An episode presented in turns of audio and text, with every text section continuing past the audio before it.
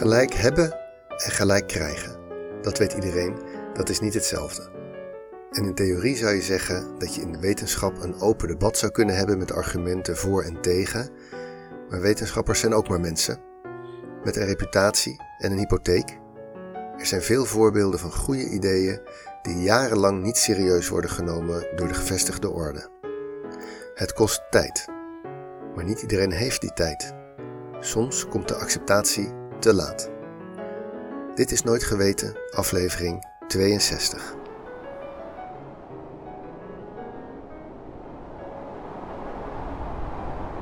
Het is november 1930.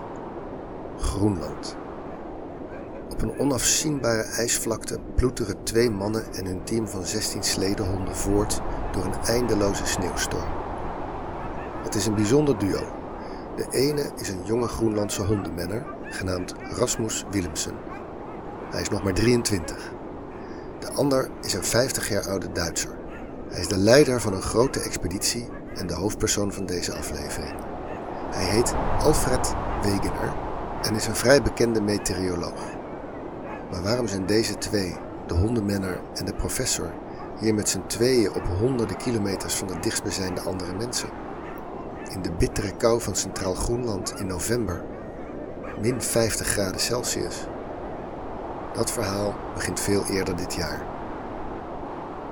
In het voorjaar van 1930 kwam de Duitse Poolexpeditie geleid door Wegener eindelijk aan op hun ankerplaats aan de westkant van Groenland. Anderhalve maand later dan gepland, doordat het weer niet meezat en de Poolzee langer dan normaal dichtgevroren bleef. Het doel van de expeditie was om onderzoek te doen naar de dikte van de ijslaag van Groenland en om klimaatmetingen te doen in de Groenlandse winter. Voor dat laatste was het nodig om te overwinteren op Groenland. Niet op een boot aan de kust, maar midden op de ijskap. Daarvoor was een jaar ervoor al een soort pre-expeditie naar Groenland geweest om de geschikte plek uit te zoeken. Dat was allemaal gelukt. Kamp IJsmiete ging het heten.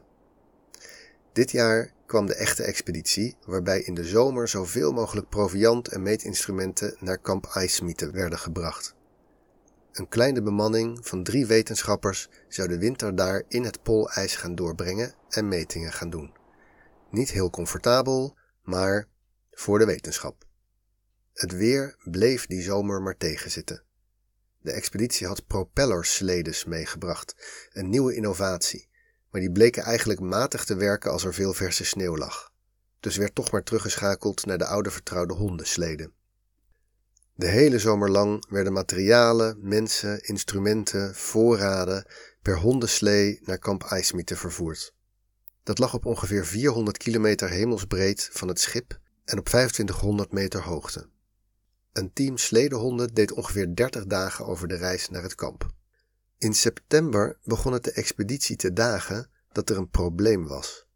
De wetenschappers die er in de winter gingen blijven, waren al geïnstalleerd en hadden zich voorbereid op een lange, koude winter. Het kamp was eigenlijk een soort hol, uitgehakt in het eeuwige ijs. Een ijsbunker. Het hoofdkwartier van de missie bleef aan boord van het ingevroren schip en deed daar metingen. Maar in kamp IJsmiete was nog niet voldoende proviand om de winter door te komen, zelfs niet met beperkte rantsoenen. Om zijn team in IJsmiete niet te laten verhongeren, moest Alfred Wegener nog een laatste karavaan van hondenslees met proviand naar het centrum van Groenland sturen, ook al werd het weer alweer slechter. Hij besloot zelf mee te gaan. Een barre tocht begon. Toen ze na twee weken reizen nog niet eens halverwege waren en het weer steeds slechter werd, wilden de meeste van de Groenlandse helpers niet meer verder. Ze keerden allemaal om, behalve de 23-jarige Rasmus Willemsen. De reis moet heftig zijn geweest, want uiteindelijk kwamen ze pas na 40 dagen op 30 oktober aan in kamp IJsmiete. En toen stonden ze voor de keus: blijven of teruggaan. Als ze bleven, moesten er in het kamp weer twee extra monden gevoed worden en was de hele actie voor niets geweest. Dus werd besloten dat Wegener en Willemsen de volgende dag, 1 november, zouden beginnen aan de terugtocht. Wegener werd die dag 50 jaar. Ergens in de weken na dat vertrek moet het Wegener zijn gaan dagen dat ze kansloos waren. Misschien wist hij het al toen ze vertrokken. Hoe dan ook, de foto die in IJsmiete van de twee werd gemaakt voor ze aan de terugtocht begonnen, dat is het laatste levensteken dat we van de twee hebben. Ze kwamen nooit aan. Een jaar later werd Wegener gevonden. Hij was zorgvuldig in het ijs begraven, de plek gemarkeerd met zijn beide skis. Hij was overleden aan een hartaanval, waarschijnlijk door uitputting. Willemsen moet hem begraven hebben en alleen verder zijn gegaan, maar van Willemsen of de honden is nooit een spoor gevonden. Misschien heroïs dit einde. De kranten vonden van wel, want het deed iedereen denken aan het verhaal van kapitein Scott op Antarctica. Maar ook wel treurig. Vooral omdat Wegener daardoor nooit mocht meemaken dat hij erkenning kreeg voor wat we nu zijn belangrijkste werk vinden.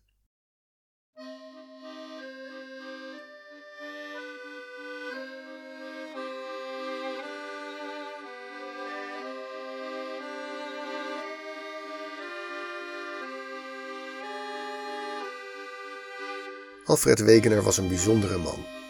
Enerzijds een typische 19e-eeuwse Duitse academicus. Kwam uit een hoogopgeleid nest met een vader die docent klassieke talen was. Was de beste in zijn klas op het gymnasium. Studeerde in Berlijn en Heidelberg natuurkunde, meteorologie en astronomie. Promoveerde in de astronomie. Maar nu krijgen we de tweede kant van Wegener te zien.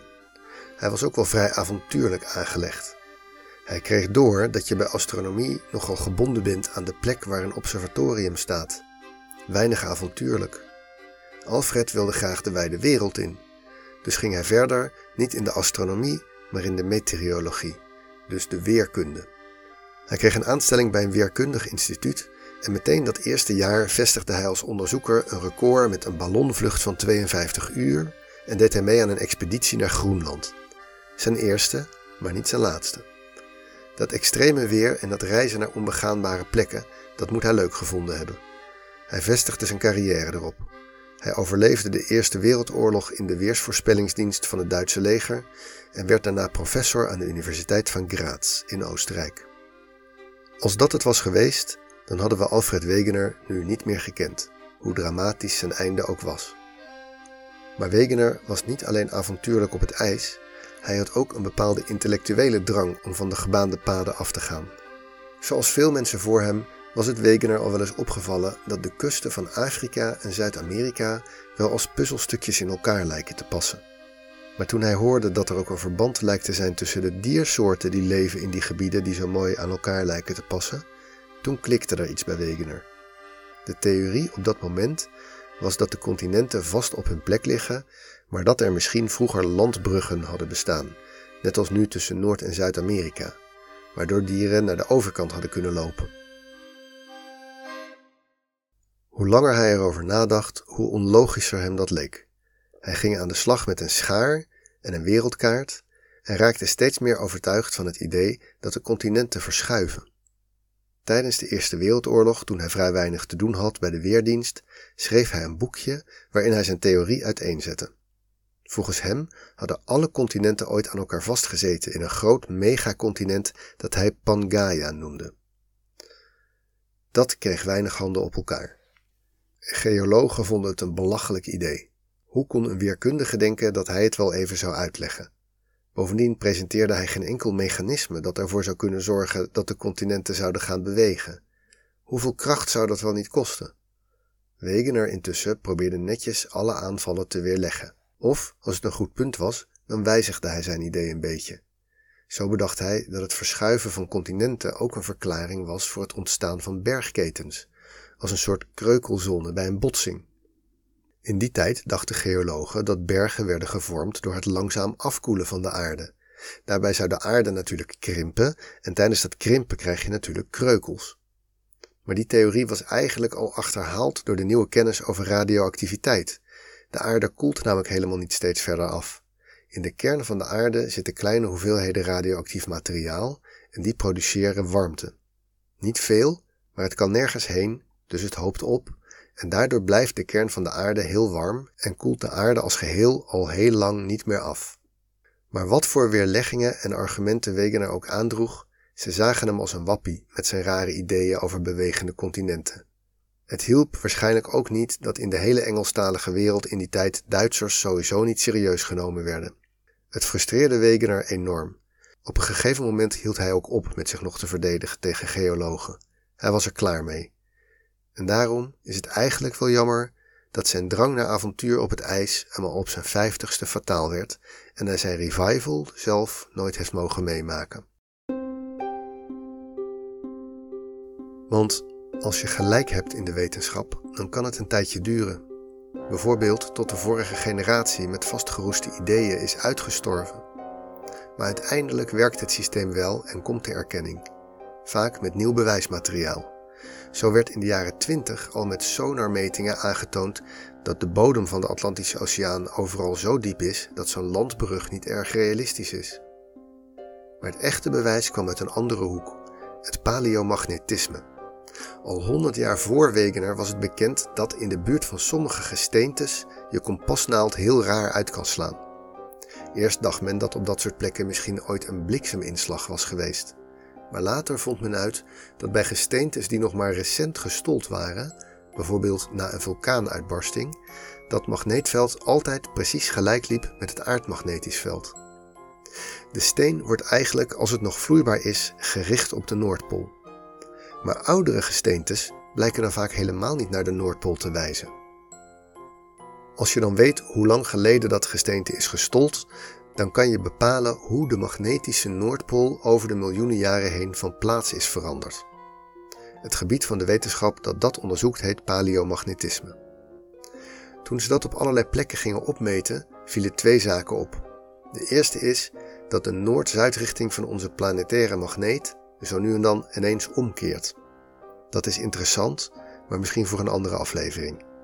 Het tweede was dat niet alleen de locatie van de pool over de tijd lijkt te bewegen, maar dat die schijnbare beweging per continent verschillend is. Als je op basis van gesteente in Afrika de beweging van de Noordpool uittekent, dan komt er een ander pad uit dan als je dat doet met gesteentes in Australië. En dat kan eigenlijk alleen maar verklaard worden doordat de continenten ten opzichte van elkaar hebben gedraaid en bewogen. Pas in de jaren 50 waren de meetinstrumenten precies genoeg om het idee van bewegende continenten definitief te omarmen. Toen steeds meer bewijsmateriaal opstapelde, veranderde in de jaren 60 de theorie van de bewegende continenten in vrij korte tijd van een vergezochte hypothese tot de manier om geologische fenomenen te verklaren. Tegenwoordig leert iedereen op de middelbare school al over tektonische platen die drijven op de vloeibare kern van de aarde en hoe al dat geschuif verantwoordelijk is voor aardbevingen en de vorming van gebergtes. We kunnen tegenwoordig met satellieten ook zo nauwkeurig posities bepalen dat we het verschuiven van de continenten echt kunnen waarnemen, met ongeveer 2,5 centimeter per jaar. En dat had Alfred Wegener dus allemaal vrij goed gezien. Ook zijn puzzel met uitgeknipte werelddelen is eigenlijk nog vrijwel precies hoe men tegenwoordig denkt dat het ooit aan elkaar zat. In Duitsland is een belangrijk instituut voor pool- en oceaanonderzoek naar hem vernoemd en wordt er jaarlijks een prestigieuze Wegener-medaille uitgereikt aan een onderzoeker in de aardwetenschappen. Maar ja, dat heeft Alfred Wegener zelf dus nooit kunnen meemaken. Dit was aflevering 62 van Nooit Geweten. Ik kreeg een tip over dit onderwerp van Wilco Miras. Dank daarvoor. De oplossing van de fotopuzzel was de pagina over Alfred Wegener. Nog even een kanttekening bij dit verhaal. Tegenwoordig wordt er natuurlijk graag naar Wegener gekeken als een onbegrepen genie. Een romantisch beeld van een roepende in de woestijn, juist ook door zijn voortijdige dood. Toch waren er ook tijdens zijn leven wel geologen die wel in het bewegen van de continenten geloofden. Dat waren ook degenen die het bewijsmateriaal verzamelde dat de theorie uiteindelijk bevestigde. Nooit geweten wordt gemaakt door mijzelf, Teun Duinstee en is een hommage aan Wikipedia. Ken je iemand die dit een leuk verhaal zou vinden? Stuur het dan door. Volgende week is er weer een aflevering en wie alvast wil weten waar die over gaat, kan proberen de Wikipedia fotopuzzel op te lossen. Die vind je in de show notes. Bedankt voor het luisteren en tot de volgende week.